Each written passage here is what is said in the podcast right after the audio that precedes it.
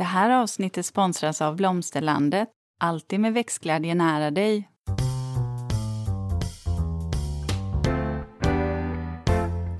Välkommen till Ulrika och Lindas trädgårdspodd och det är jag som är Linda Kylén, trädgårdsmästare. Och det är jag som är Ulrika Levin, trädgårdsdesigner. Dagens avsnitt ska faktiskt handla om ett av våra mest odlingsvärda träd, nämligen prunussläktet körsbär. Närmare, och ja, och närmare bestämt prydnadskörsbär. Det vill säga, vi kommer släppa de ätliga bären. Nu, ja. nu är det bara... För prydnad och dekoration och design och Precis. vackert för ögat. Precis. Men då kan vi säga så här att eh, skynda nu och plocka fram papper och penna och var redo för att vi kommer ösa på med odlingsvärda sorter. Massor! Ja, Ja, verkligen. Så, så medan ni gör det så tänkte jag ställa frågan till dig Ulrika. Vad har hänt sen sist? Um, jo, alltså jag, jag fick en så himla lustig förfrågan. Jag fick en förfrågan om att uh, vara med och göra uh, ja, men själva miljön för en uh, nyanläggning av en camping. Och det var lite oväntat. Visst, jag har gjort lite större grejer innan, men det här var det var så udda så jag var tvungen att ringa upp och fråga. Eh, och eh, ja, men summa kardemumma så, så var det ändå så att det lät lite intressant, det var spännande, men jag kände att det här blir mycket späck, det vill säga att man jobbar gratis och sen så eh, ja, men du vet, så var det alldeles för kort om tid. Det här vad... var ju liksom mångmiljonprojekt, så att det, det var jättestort. Men du, var intressant ändå att en camping tar kontakt och vill göra någonting åt den gröna ytan. Annars så känner jag, om jag stereotyp blundar och tänker camping, då ser jag bara en minigolfbana, asfalterade småvägar, uppställningsplatser, några sådana här äh, prydnadsbuskar, alla kanske spireor som inte har blivit omhändertagna. Men att, det någon, att man då väljer så här, det här vill vi göra en vacker miljö utav. Ja, och det här var ju en nyanläggning. Campingen fanns ju inte utan det var en gammal badplats som skulle omvandlas till en camping. Mm. Eh, och jag har gjort parken på Lisingsbadet där. Eh, men ja, jag, jag var tvungen att ringa upp och fråga, men då blev jag också så här, vem är det som frågar? För då tänkte jag, var det de som skulle driva campingen eller vad, vad, vad handlar det om? Då visade det sig att det var en entreprenör som uppenbarligen hade anlagt ett av de projekten som jag hade ritat ah. till en större ja, med bostadsrättsförening egentligen eh, i Danderyd där man hade, där det var väldigt många hus då där jag hade gjort underlagen. Så det, då hade han tänkt på mig för han var lite sugen på hela det här jobbet då. Som var, ja, det var mm. jättestort. Där känner jag nog att jag också hade tänkt och i, i ett sånt läge tar man också in hjälp det är ju en anläggning som jag ja, men liksom inte gör normalt heller, kändes det som. Ganska stor på jo, men stor det är såna här, yta. Det är vissa regelverk, det är, alltså, mm. och vi pratar man måste också ta in, eh, eh, ja men du vet, landskapsingenjörer, det handlar om ja, men tillgänglighet och jag menar vägar, allt sånt där mm, måste verkligen diskuteras och gås igenom. Och det är ju lite lite större än vad jag själv brukar eh, jobba med mm. faktiskt. Mm. Eh, en Bra park... betyg ändå och, och få det som en, en rekommendation. Ja, jag, jag, jag trodde att det var någonting så här, du vet, ja, på grund av Lysingsbadet ja. då, att jag hade gjort... Tack vare? Ja. ja. Den där och eftersom jag, eh, det ändå också var ett lite större jobb så, men eh, med färgsättning av husen och så. Men, men nu, um, det här var ju någonting helt annat. Så att ja, jo, lite smickrad blev jag ändå. Um, att uh, bara utifrån de ritningarna jag hade gjort så ja. att han kände att uh, vi hade kunnat jobba ihop. Då tänker jag, då är det ändå ett kvitto på att ritningarna är bra. Verkligen tänker jag. är det det. Ja. Mm.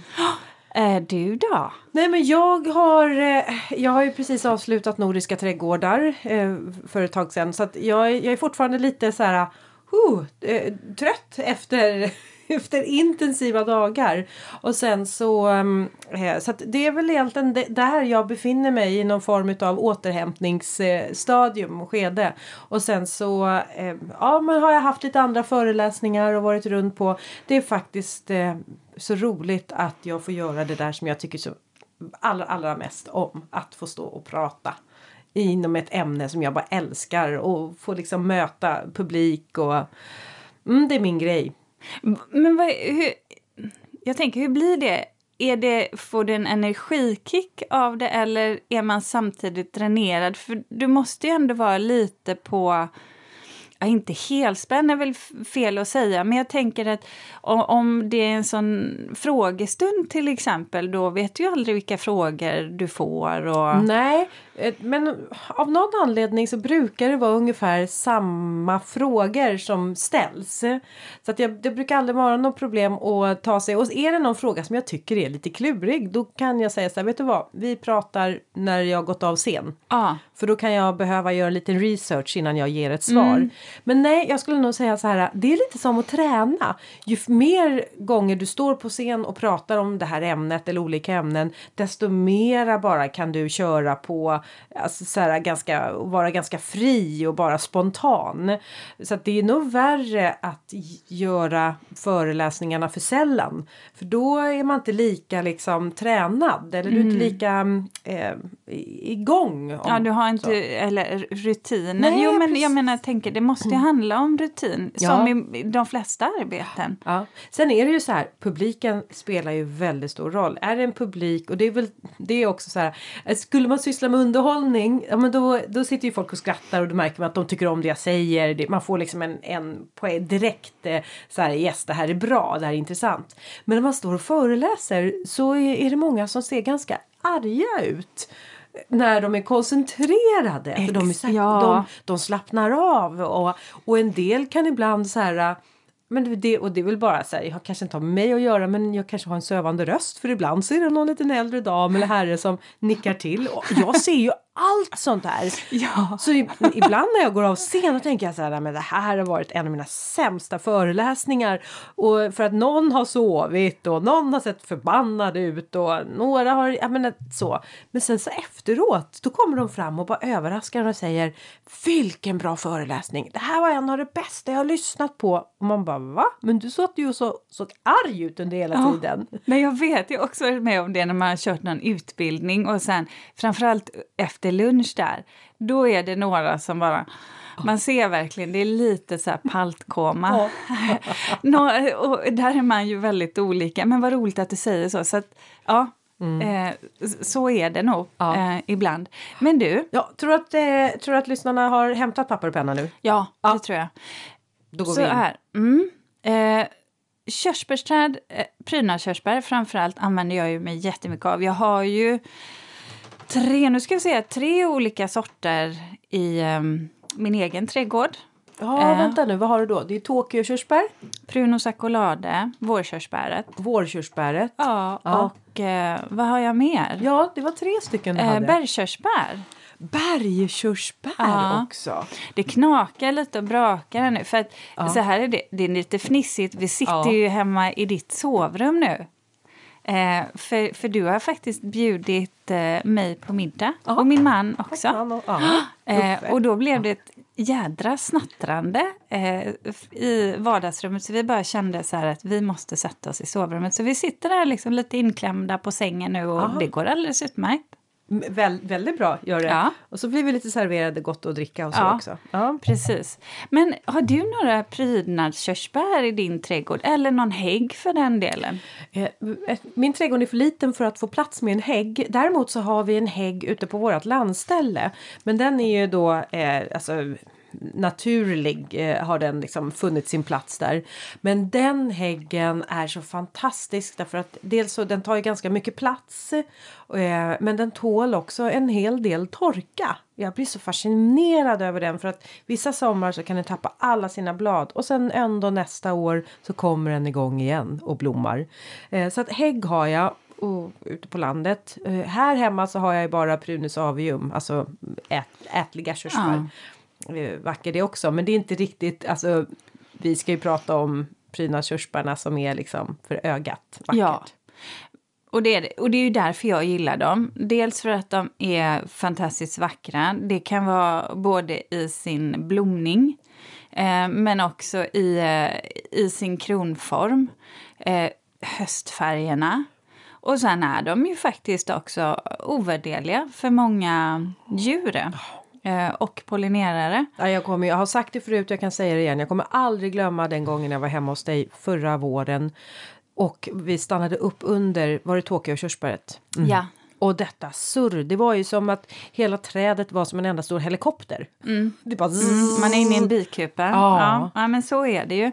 Eh, och, det, och sen så är de ju, om jag inte sa det, lättodlade. Mm. Faktiskt. Lättord, men vi ska gå in på vad som krävs för Ja. att de ändå ska trivas. Ja, för man kan begå misstag. Ja. Eh, och då, kära lyssnare, kan det vara kört. Då får man inte den där blomningen som man vill ha. Men Linda, eh, alltså prydnadskörsbäret, Mm. eller körsbäret har ju en väldigt speciell historia. Ja, man kan väl säga så här, i Japan så, japanska prydnadskörsbär, i, i Japan så förekommer ju arten naturligt. Och det är också Japans nationalblomma. Och det är ganska intressant därför att då har ju då, det, det sker ju hela tiden mutationer och de är liksom, de korspollinerar sig och det uppstår nya variationer utav dem.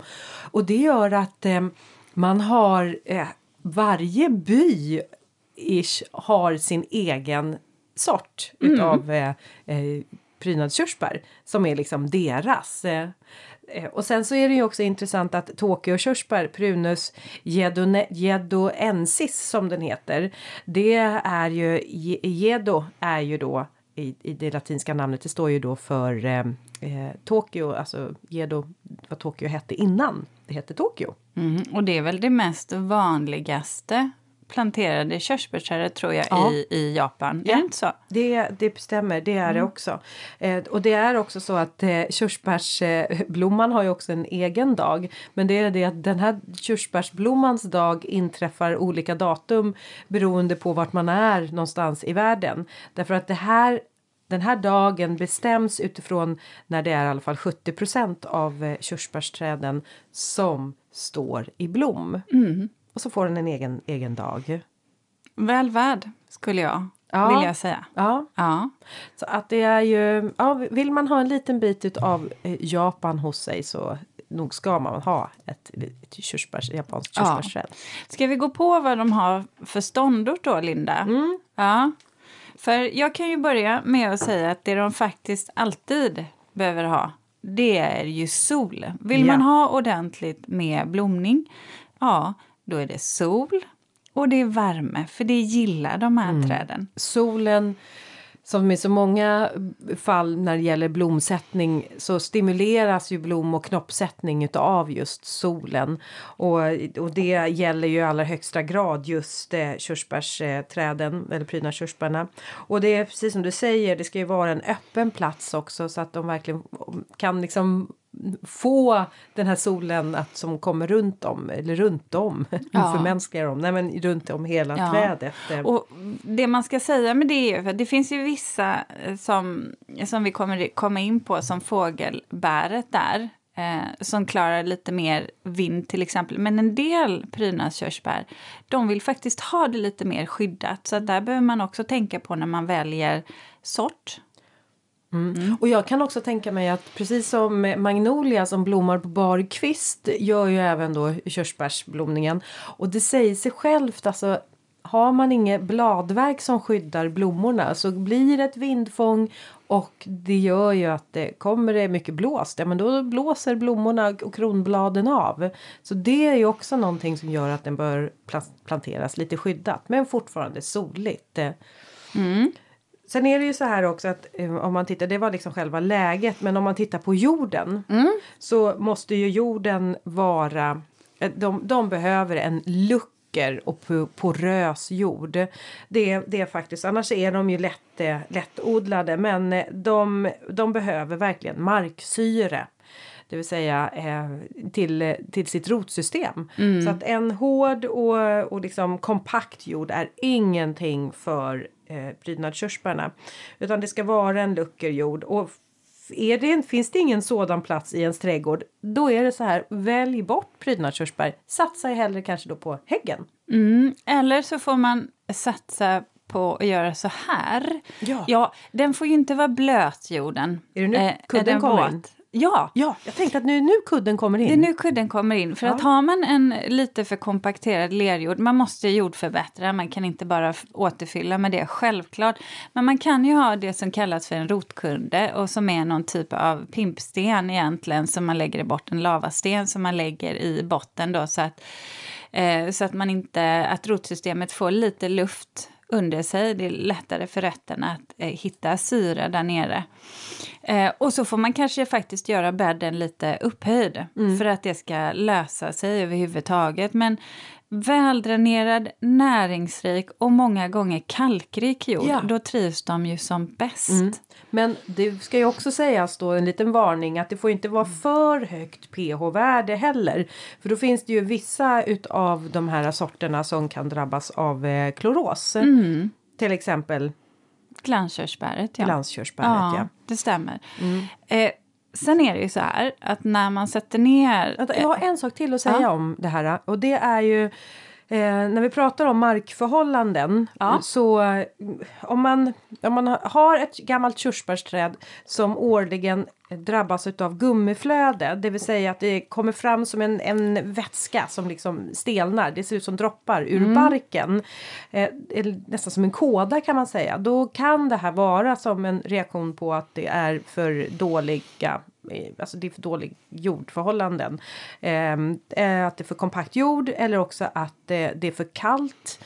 Eh, även om det är liksom man, om man odlar den lite för högt upp i landet så kan man få den här reaktionen. Eh, eller också att det är ehm, eh, ojämn tillväxt. Eller allt för kraftig beskärning också. Mm, Så okej. att det, håll koll på det där gummiflödet för det säger att det är någonting här i växtbetingelserna på platsen som inte stämmer. Mm. Och, och det här är ju då, då kommer jag tillbaka till det här med planteringen, för att så här är det. Körsbärsträd är jättekänsliga för att bli för djupt planterade. Här behöver man vara otroligt noggrann så att de inte hamnar för djupt. För då, nej, de kommer inte etablera sig väl. Jättekänsliga är de verkligen. Men utöver det så är de ju eh, lättodlade. Eh, det man ska tänka på det är ju att det här, de förädlade sorterna av körsbär, det är ju sällan långlivade träd. Det är, en del av dem kanske bara blir 40 till 50 år, inte äldre än så. Så att det är inte kanske en eks livslängd på dem alla gånger. Eh, det behöver man också beakta och kanske lite mer det här när man tänker utifrån ja, eh, när man ska förnya sin trädgård eller om man har en bostadsrättsförening att man har en plan för det i alla fall. Men du Ulrika, finns det något, eh, någon sort som du inte skulle vilja, alltså som du inte odlar, som du in, in, väljer att inte ri, rita in i trädgårdar? Ja, ja, det gör det faktiskt. Och det är kurillerkörsbäret där. Eh, ett litet träd. För att de drabbas så himla... Vad hette det sa du? Kurillerkörsbär. Ja.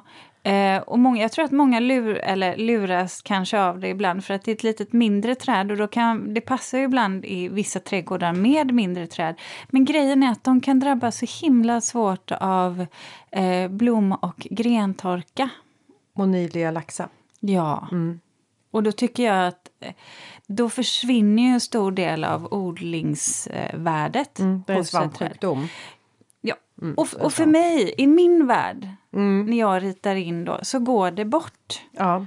Eh, faktiskt. Så jag, jag jobbar inte med den sorten. Nej. faktiskt. Och det, det är ju så, det är, ganska, det är många inom släktet som eh, körsbärs som eh, eh, kan drabbas av blom och grentorka. Så att det, det bör man ju kolla upp eh, så att man väljer en sort som är motståndskraftig. Ja, och det är främst kurillerkörsbären som gör det. Så Ja. att, därav.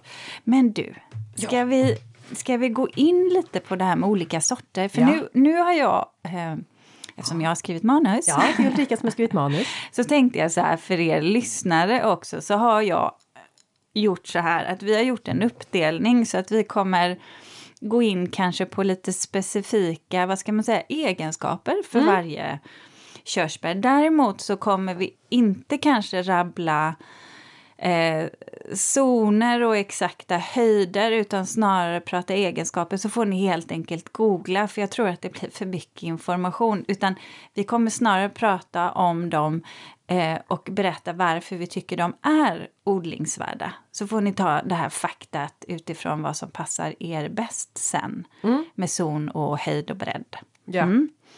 Så jag tänkte att vi faktiskt skulle börja med ett av de tidigaste, eller, eller det tidigaste prydnadskörsbäret och som jag har i min egen trädgård, nämligen vårkörsbäret accolade. Ja. Tycker du om det? Jag tycker om det. Eh, men du får gärna beskriva det för lyssnarna och vad det är som har gjort att du har valt ändå att upplåta en plats för accolade i din trädgård. Ja, men det är, för det här är ett litet mindre träd, vilket gör att det passar i min hyfsat lilla trädgård om 650 eller 690 kvadrat. Basformat eh, växtsätt som sen när det blir gammalt, när det blir äldre så hänger det faktiskt ut sig, vilket man ska tänka på för att, eh, så att man har eh, tillräckligt med yta. Men det är så himla vacker blomning, Linda.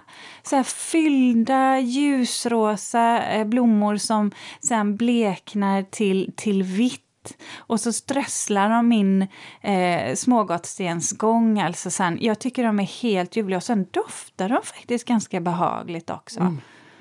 Jag ty- ja, ett av de absolut vackraste träden. Och så kommer de ju tidigt. Ja, då kommer Alltså, igång ja. blomningen. Ja, Eh, Men den, eh, ja, den, den ser ljuvlig ut. Den är ljuvlig verkligen.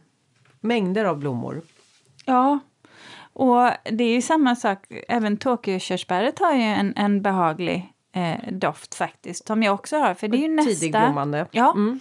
de kommer ju direkt efter egentligen mitt eh, prydnads, eh, mitt vårkörsbär.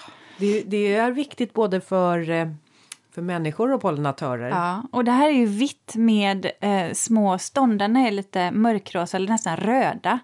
Så de ger ett lite tvåfärgat intryck. Jag tycker de får en fantastisk höstfärg sen också, en väldigt fin höstverk. Eh, lite mer ojämn grensättning egentligen, så den är inte jämn i, i kronan och de blir lite mer hängande. Men jag tycker de är fina för att de eh, i min trädgård så, så blir det ett ganska skit bladverk och de här står Ja, men i närheten av en stor ek och en hög avenbokshäck. Så att ni vet, det här är ju då träd som har sin blomning innan allt det där andra gröna har hunnit slå ut. Ja. Så att de får det både skyddat men sen så, så hinner inte då ekens lövverk egentligen skugga dem. Återigen, om ni lyssnar på, på avsnittet eh, avsnitt, eh, 73, Ja. Välj rätt träd, där går vi igenom lite hur man kan resonera kring vilket träd den ska välja till sin täppa. Och jag kan säga att accolade, jag menar Kungsträdgården i Stockholm är ju känd för eh, sin, eh, sin eh, körsbärsblomning på våren. Och det är just utav sorten accolade som växer i, i Kungsträdgården. Mm. Men du nämnde ju Prunus avium, det vill säga vi har ju det inhemska fågelkörsbäret. Just det. Ja. Och det här är ju ett träd som, ja det passar ju inte den lilla trädgården som eh, i, i motsats till accolladen till exempel eller Tokyo-körsbäret så är det här ju ett träd som tar mycket plats. Eh, Och det kan ju också bli som en, en buskträd skulle jag säga. Det är både ett, ett träd på stammen, buskträd, men det tar mycket plats. Och Ja, det, Det här är- blir ju verkligen ett, ja det kan man ju kalla att det blir ett riktigt träd, alltså ett mellanstort träd, definitivt. Eh, och, men det här är ju ett, en robust eh, sort som, eller häggen är ju robust för att, eh, eller häggen, nu ska jag säga. Så, eh, Fågelbäret. Fågelbäret ja. Är ju robust också och framförallt också så ger det ju mat även till, eh, det är viktigt för fågellivet. Ja, det finns väl egentligen bara ett problem med eh, fågelbäret och det är ju att den kan slå ifrån sig rotskott. Mm. Är det. Så rotsystem. Så där ska man väl också vara lite, och speciellt om man är inne och, eh, ja, man ska vara lite obs på det. Ja, för det är ju framförallt när rotsystemet blir eh, stressat. Ja. Då kan den dra iväg rotskott. Ett fågelbär som jag jobbar med som är lite mindre är ju plena. Det är ju också så här, ja men du vet, det är så himla fint för att de har så fyllda, fyllda vita blommor. Du vet, de hänger som små klockor Linda, i klasar. Och det här är ju en steril Ja. eh, eh, ett sterilt prydnadskörsbär eller fågelbär vilket gör att de får ju ingen fruktsättning. Aha. Och eftersom de inte pollineras, blommorna, så blir ju också blomningen längre. Ja, ja, Så ja. att det är ett jättebra träd att för jobba oss, med. För oss som har en prydnadsträdgård men kanske inte något för djurlivet på det sättet. Nej, utan- det nej. är det ju inte. Men Det är ju, så att säga, det är ju bara fägring. Ja. Sen så småningom så är det återigen precis som fågelbäret. Det är ju så att det blir bredare Mm. med åldern vilket gör att man, man behöver ändå ha lite yta, man behöver tänka till kring det för att ehm, alla körsbär är inte sådär superförtjusta i för hård beskärning. Nej. Mm. Men alltså, så plena kan då lämpa sig också om man vill ha det i närheten av en altan till exempel. Eller just för att Ja. det inte då släpper några bär. Ja. Så det finns en praktisk funktion i det Ja, också. Mm. ja, ja, ja. Och det är ett jättefint träd. Ja. Vi hade ju också Svea E. Mm, det går ju ett fågelbär som faktiskt är härdigt lite längre ut. Jag tror upp till zon 4. Ja. Eh, zon 5 kan jag till och med tänka mig att Ja. det är. Lite osäker på zonangivelsen där. Men det går definitivt eh, högre upp. Mm. Eh, och sen så tänkte jag att det finns ju också eh, prydnadskörsbär som är lite mer snabbväxande än andra. Just det där med snabbväxande är ju frågor som jag ganska ofta får när man är ute och föreläser. Eh, Om man då kanske har en ny tomt som man vill ska bli upp, alltså växa upp väldigt fort. eh, Så vet jag att det här är någonting som man vill ha svar på den frågan. Ja. Så att snabbväxande och då, de förslagen som, som vi har här det är ju också jäkligt snygga träd alltså. Speciellt stammarna är, är ett skönhetsvärde i. Det är det. Definitivt. Sen är det väl alltid så där, tycker jag lite i alla fall. Jag vet inte om du håller med mig, Linda, men det där är...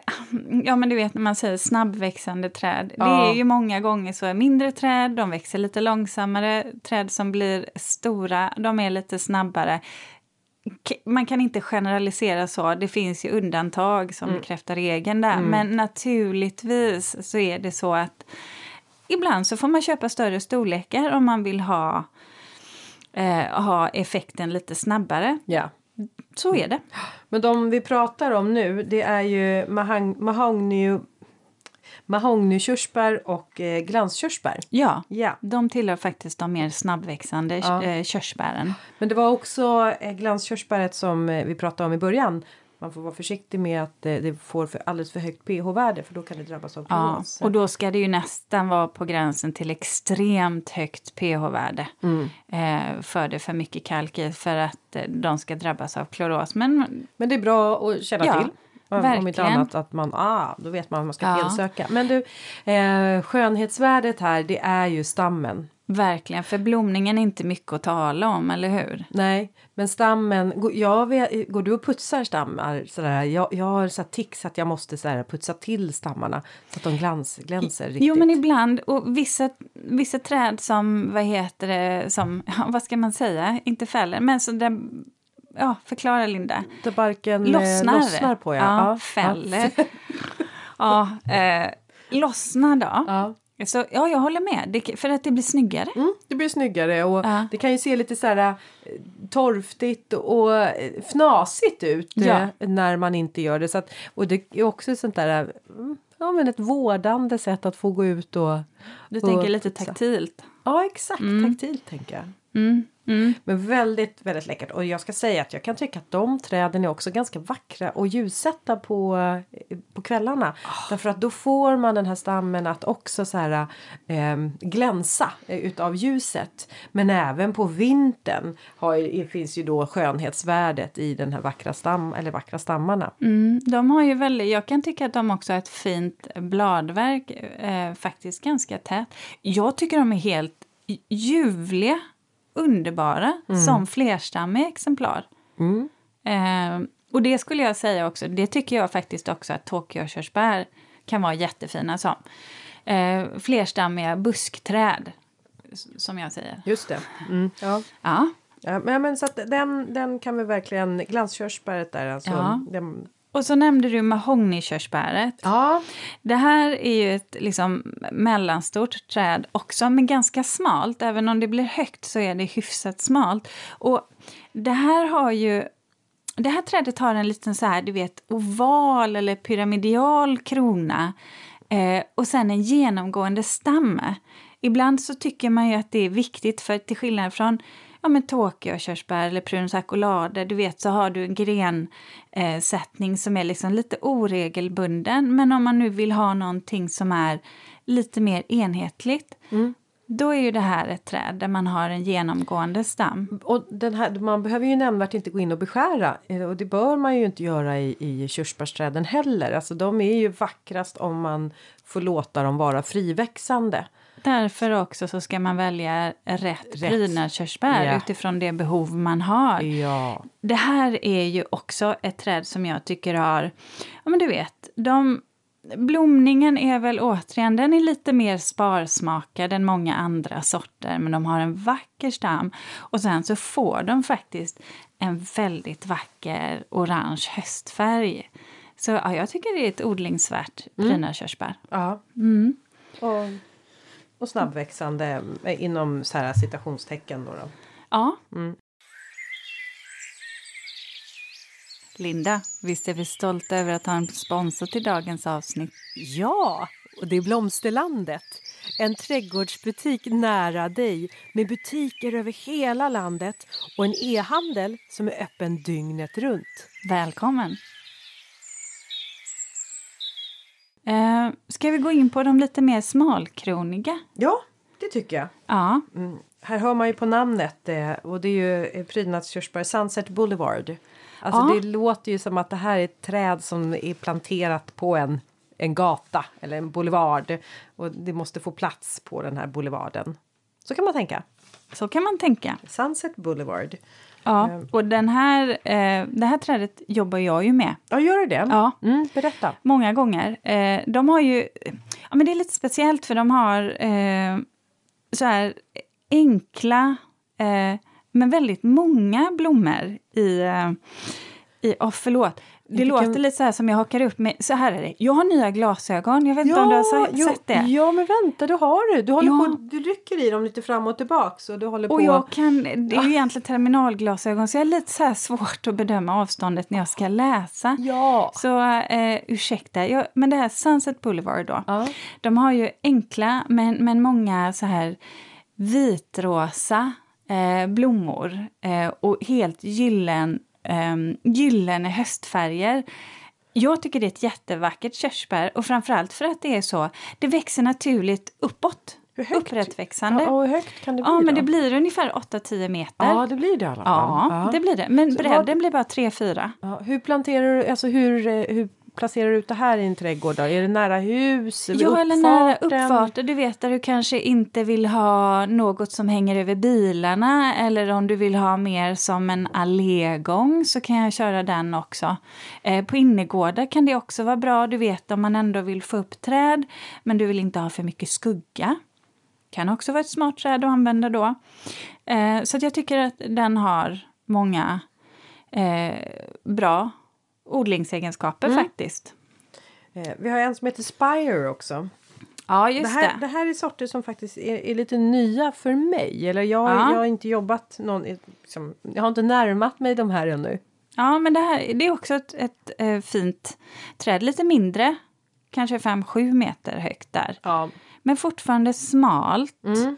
Och eh, lite mer elliptisk krona faktiskt har den. Och sen så, den blommar innan lövsprickning, det är ju inte ovanligt. Det har vi kommit in på körsbärsblomningen där. Och så får den precis som många andra en orange höstfärg. Eh, djup, eller ljusrosa blomning då om man inte vill gå mot det vita. Mm. Eh, och sen smala då, då tar jag min, det här, det här gillar jag. Jaha, okej. Det, ja, Ja, låt höra. det här gillar jag. Eh, Umineko, jag, tror, jag har nämnt det tidigare. Det är, alltså, det är så himla snyggt. För du vet, det har så här vita blommor med, med rosa ståndare. Och sen så slår det ut precis, precis de slår ut precis, blommorna slår ut precis innan lövsprickning och sen så, kommer ju, så slår ju också bladen ut. Aha. Så då är det liksom som, du vet, bara ett, ett liksom inferno av vita blommor. Ymnigt. Ja, verkligen. Och sen det här skira gröna. Jag tycker det är så otroligt fint. Det är så här, du vet.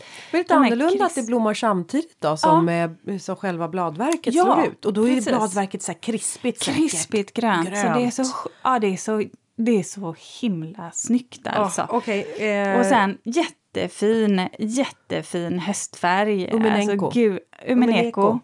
Gul, Gul-orange höstfärg som ibland kan dra åt nästan lite purpurfärg faktiskt. Och vet du varför jag gillar det här trädet också? Det är enhetligt. Och varför är det viktigt? Det är enhetligt och det är ju viktigt för att ehm, eh, inte ge allt för mycket ehm, intryck, uttryck eller konkurrera med. Precis, där kan man ju lägga i vad man vill. Ja. ja Nej men alltså mera bara för att det ska vara där och ge höjd kanske och bara en liksom fond eller bara liksom. Precis, om du har flera träd av Ja. samma sort, till exempel i en allé eller en grupp. Ibland så vill man ha träd Ja, precis som har det jag menar. enhet. Jag tror bara att du, du kom av det för att du så, åh, nu är det någonting som jag inte kommer kunna Ja. svara på. Såg jag att du tänkte, jag visste precis att du visste. Ja, så är det. Så här. Men så det kan jag också tycka är, det här är bra träd när man har lite ont om yta faktiskt. Eh, med smala kronor Ja. men ganska höga träd också. Ja. Sen vet jag att du tycker om ett träd som går ganska långt norrut och som har fantastiska höstfärger. Och eh, då pratar du, du Ulrika om eh, bergkörsbär. Ja, För bergkörsbär det, det klarar sig eh, alla gånger upp till zon 5. Eh, Men det är mycket möjligt att man skulle kunna pressa på lite till om man har ett gynnsamt läge. Men, men zon 5 har vi i alla fall skrivit ut det som. Eh, Det här är ju en, ett träd som också blommar med rosa blommor men de är enkla. Enkla rosa blommor. ganska stora. Stora också. Mm. Eh, och dessutom så, så får den eh, ett brett, eh, en, liksom ett brett växtsätt i kronan men, men det är ändå en eh, vasformad krona. Ja. Så att det går liksom också eh, uppåt. Eh, och, ehm, och så som du säger, ett vansinnigt vackert bladverk på hösten. Det här är ju liksom, det sprakar ju riktigt i rött. Det går, det går inte att missa Nej, det går de inte här missa. träden. Nej. Och sen Nej. är de lite spännande tycker jag för att de blommar ju då på bar kvist och sen bladverket när det slår ut eh, så är det lite, det har ju en anstrykning av koppar Ja. faktiskt. Och sen är bladen ganska matt gröna.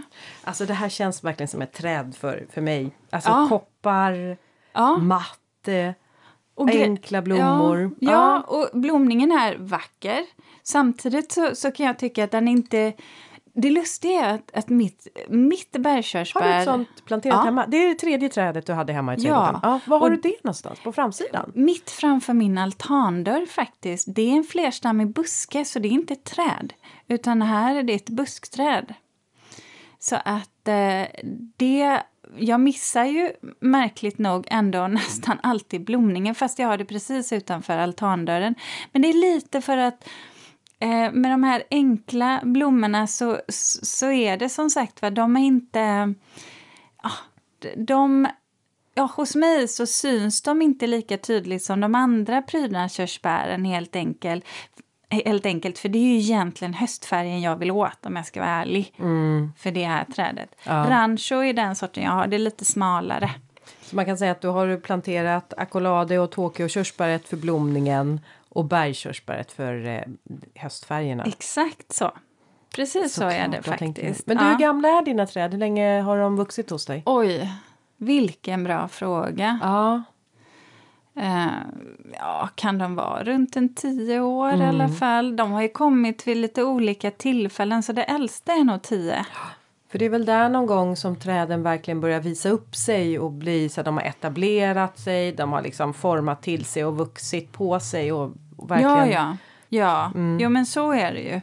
Så är det ju. Sen, sen måste jag faktiskt bara Eh, jag måste nämna eh, ett annat eh, körsbär som jag tycker är väldigt fint som har höstfärger. Ja. Ehm, och det är ju... Eh, oh, nu tänker jag, nu tappar jag namnet på den. Hybridkörsbäret. Ja, eh, Schnee. Exakt. Ja, hybridkörsbäret Schnee. Ja, Vilket kolla roligt in den. namn. Det ja. var, var, var inte så japanskt. Jag tycker Nej. alla borde ha, men det är ju klart. Sunset Boulevard var inte heller så eh, japanskt. Eller Svea heller för den delen. Men Schnee. Ja, för Mm. de, har, de har faktiskt fantastiska eh, höstfärger. Gud vad jag säger fantastisk idag. Ja, men det är, jag, Underbara förstår, jag förstår att man, det, det är ett sånt ord som Ja. hela tiden ligger top of mind som Ja. dyker upp.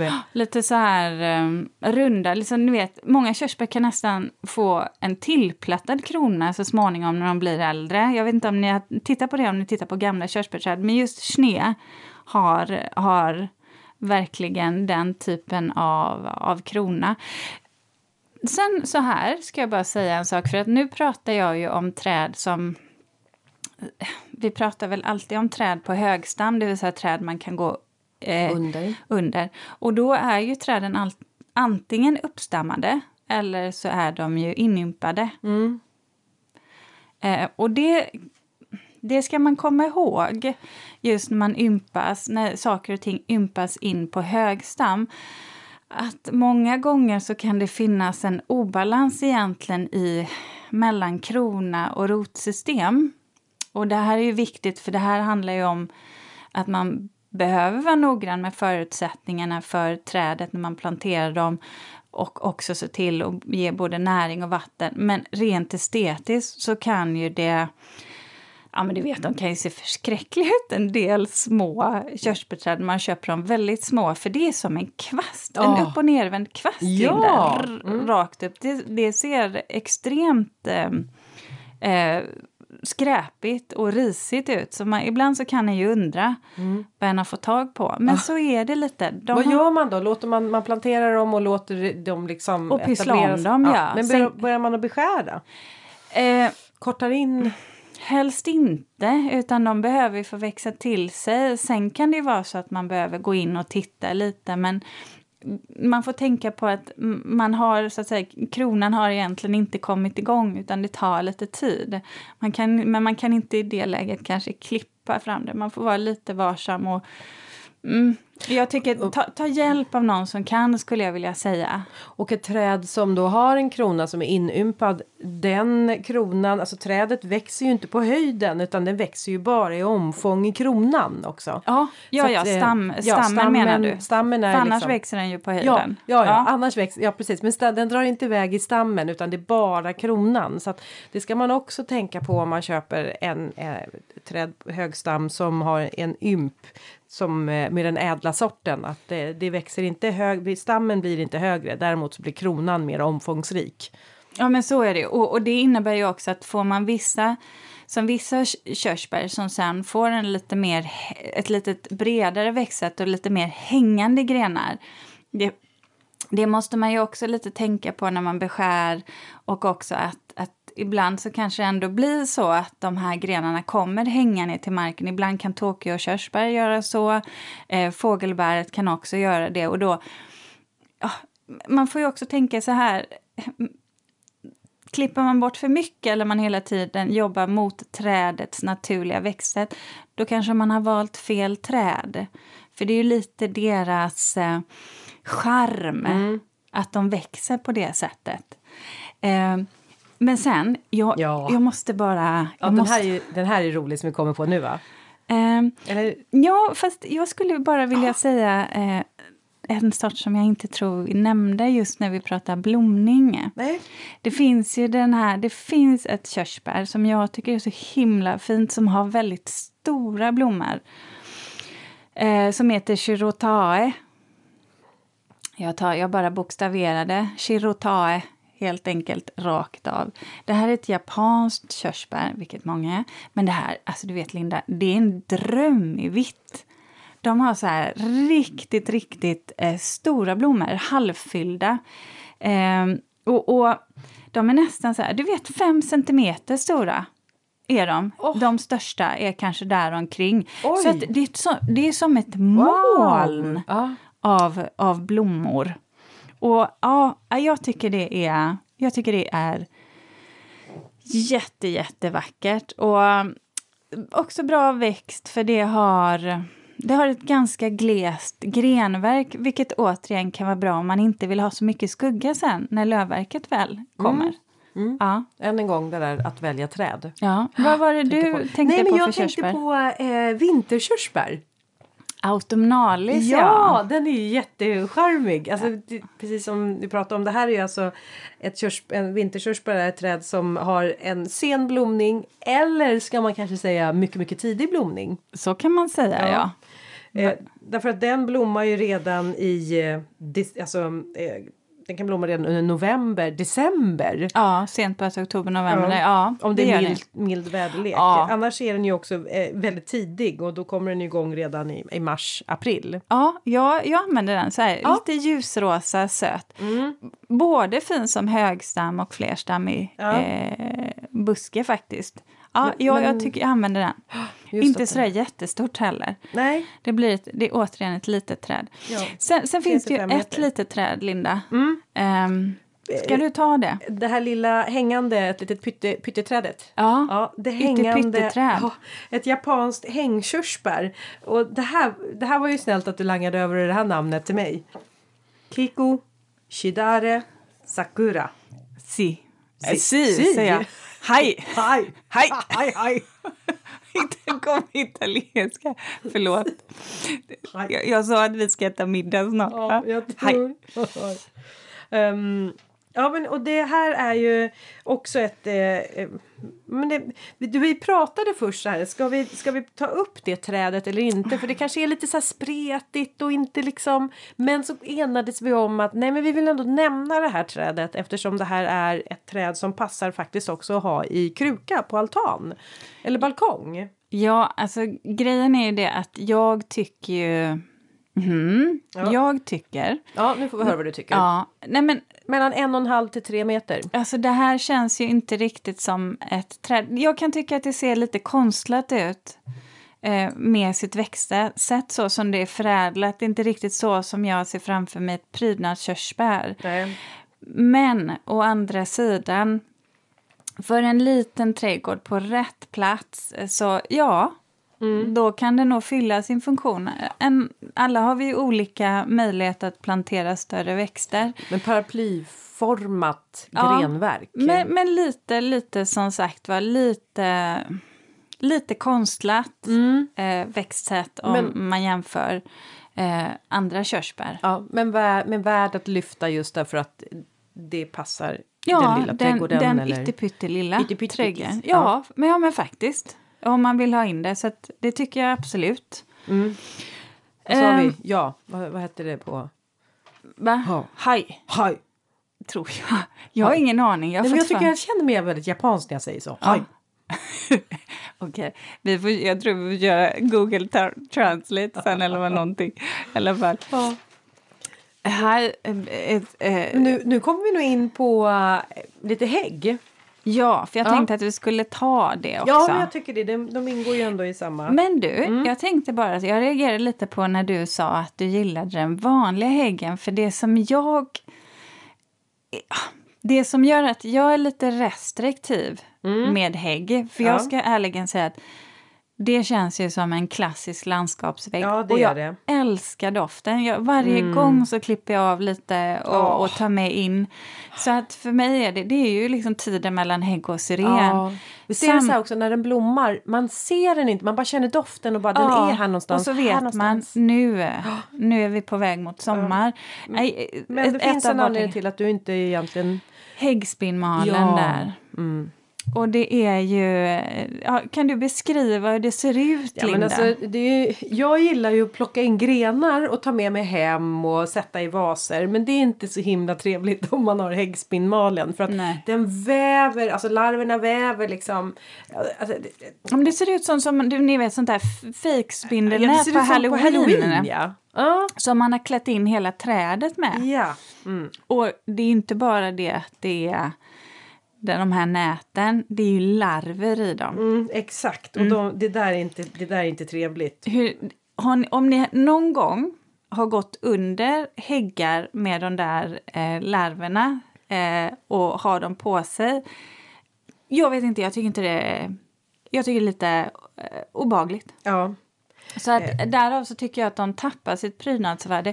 Absolut ingenting som jag skulle sätta in vid en matplats till exempel. Så att det är återigen det där, är de då odlingsvärda eller inte? Nej.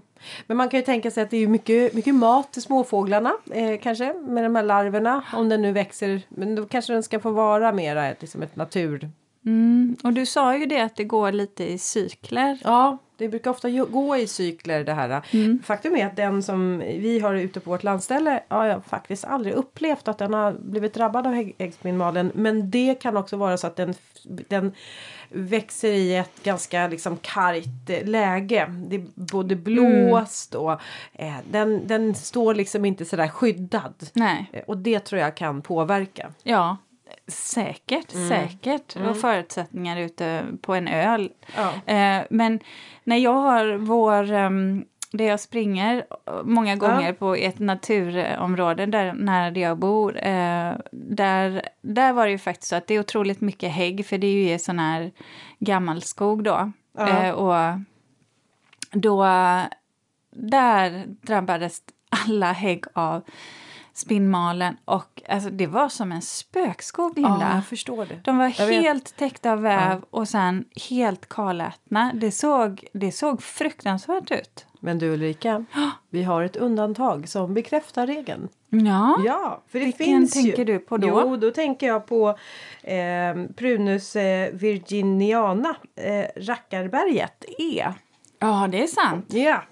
Det här är nämligen en hägg som eh, eh, alltså den passar väldigt bra det är med buske och pass, passar bra in som i ett buskage till exempel. Mm. Men den här sorten eh, drabbas inte av häggspinmal. Nej, det gör den inte. Nej.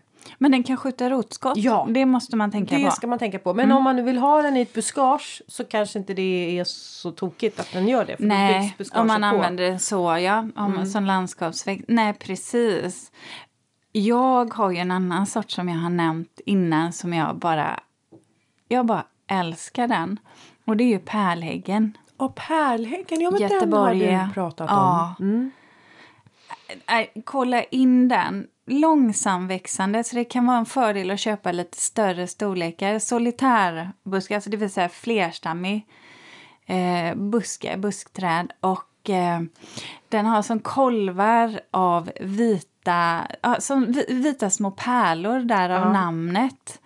Och sen så doftar de lite gott av honung när de slår ut. Och sen en jätte, jättefin höstfärg. Mm.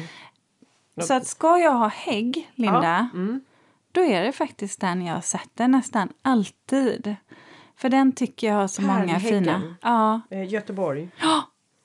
Men du, eh, så här, jag tänkte på Oj, att... tiden, tiden går Ulrika. Ja, men jag tänkte att vi hade två träd som vi bara skulle nämna eh, som faktiskt också är eh, hägg, näverhägg. För det är ju så här att. Ja, för det är ju så här att eh, bor man i en liten kargare zon, det vill säga upp till zon 5 Ja. eller 6, 7 då finns det ju faktiskt två träd som är väldigt vackra och odlingsvärda. Och det är ju Amber Beauty Mm. eh, som har vita blommor, gul höstfärg, så här gulorange. Snabbväxande faktiskt, inte långlivad men snabbväxande. Helt fantastisk, fantastisk bark, så lite... Ja, får jag också. eh, Påmin, inte, jag ska inte säga att den påminner om glanskörsbären men på, på ett Ja, sätt gör den ju så det. lite honungs... Ja. eh, In, ja, mörkare än honung egentligen. Um, jättefin. Också så snygg som flerstammig. Guldgul i Ja. Och sen har vi Honey E. Och den går ju långt, långt upp. Den kan gå upp ända till zon 8 i skyddat läge. Mhm. Men zon 7 klarar den. Och samma sak, får jätte, jättevacker ehm, stam, eh, men också då blomning. Det här är ju ett pionjärträd Ja.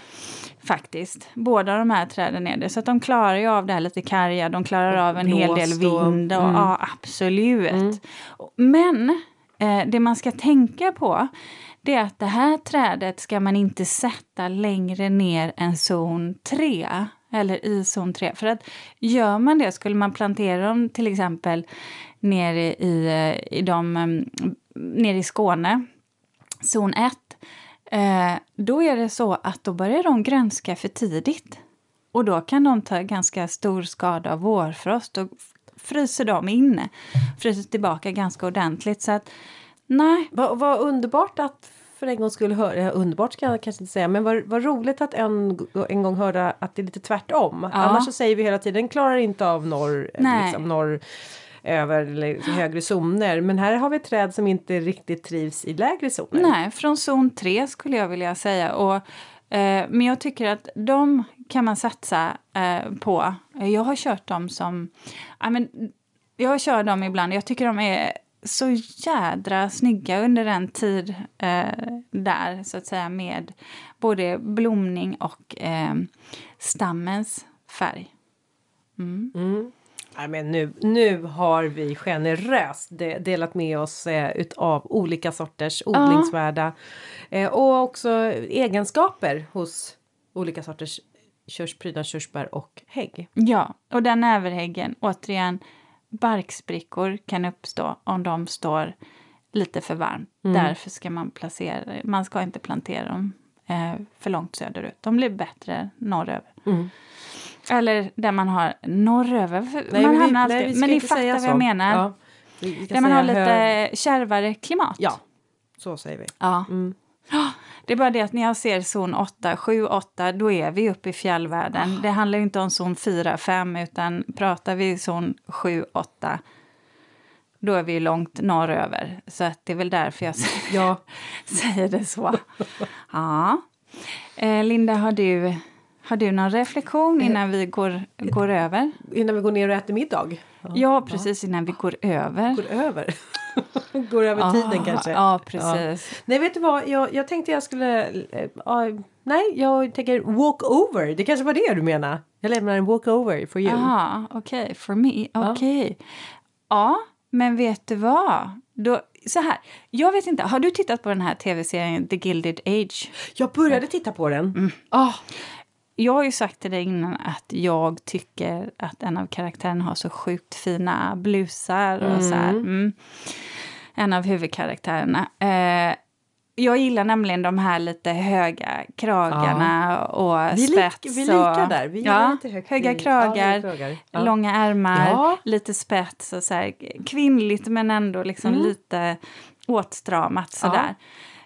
Det jag tänkte på det är ju så här att gud alltså de här korsetterna som de tvingas trycka i sig, in sig i och inte trycka i sig, trycka in sig i. Eh, du vet, jag bara kände att vad skönt att man någonstans har lämnat det här att man ska passa in i former som man inte är skapt för. Men vet du vad? Jag bara konstaterar att det är ju snicksnack. Det finns ju fortfarande idag. För vet du vad? Jag hade bestämt mig för att jag skulle uh, ha klänning och det var lite kallare. Så jag ville ha strumpbyxor och lite såna här, uh, lite så här, um, vad heter de? Alltså tights? Nylonstrumpor. Ja, ja, ja, fast lite tjockare då. Mm, mm. Hålla in och hålla upp.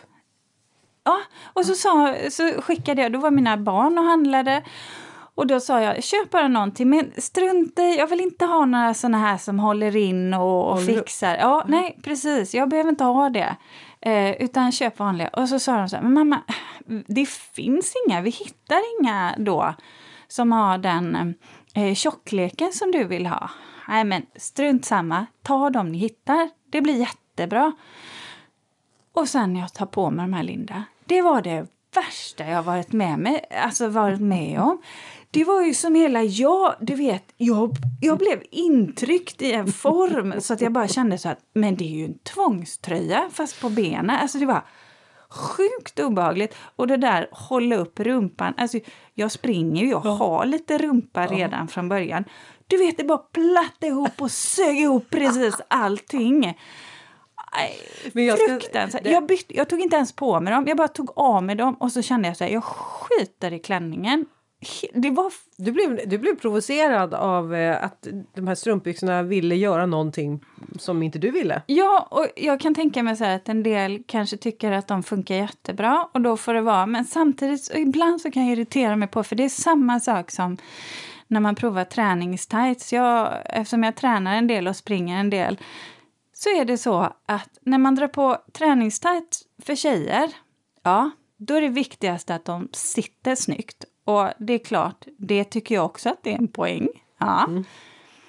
Men hur kan man i ett par löparbyxor inte ha någon liten ficka, eller ett par träningstights, någon liten ficka där man kan stoppa en nyckel eller vad som helst liksom. Alltså det finns inte. Ja, jag Nej, vet inte. Jag men vet på killar hur... finns det. Jaha. Ja, garanterat. Det finns väl ingenting. Fin...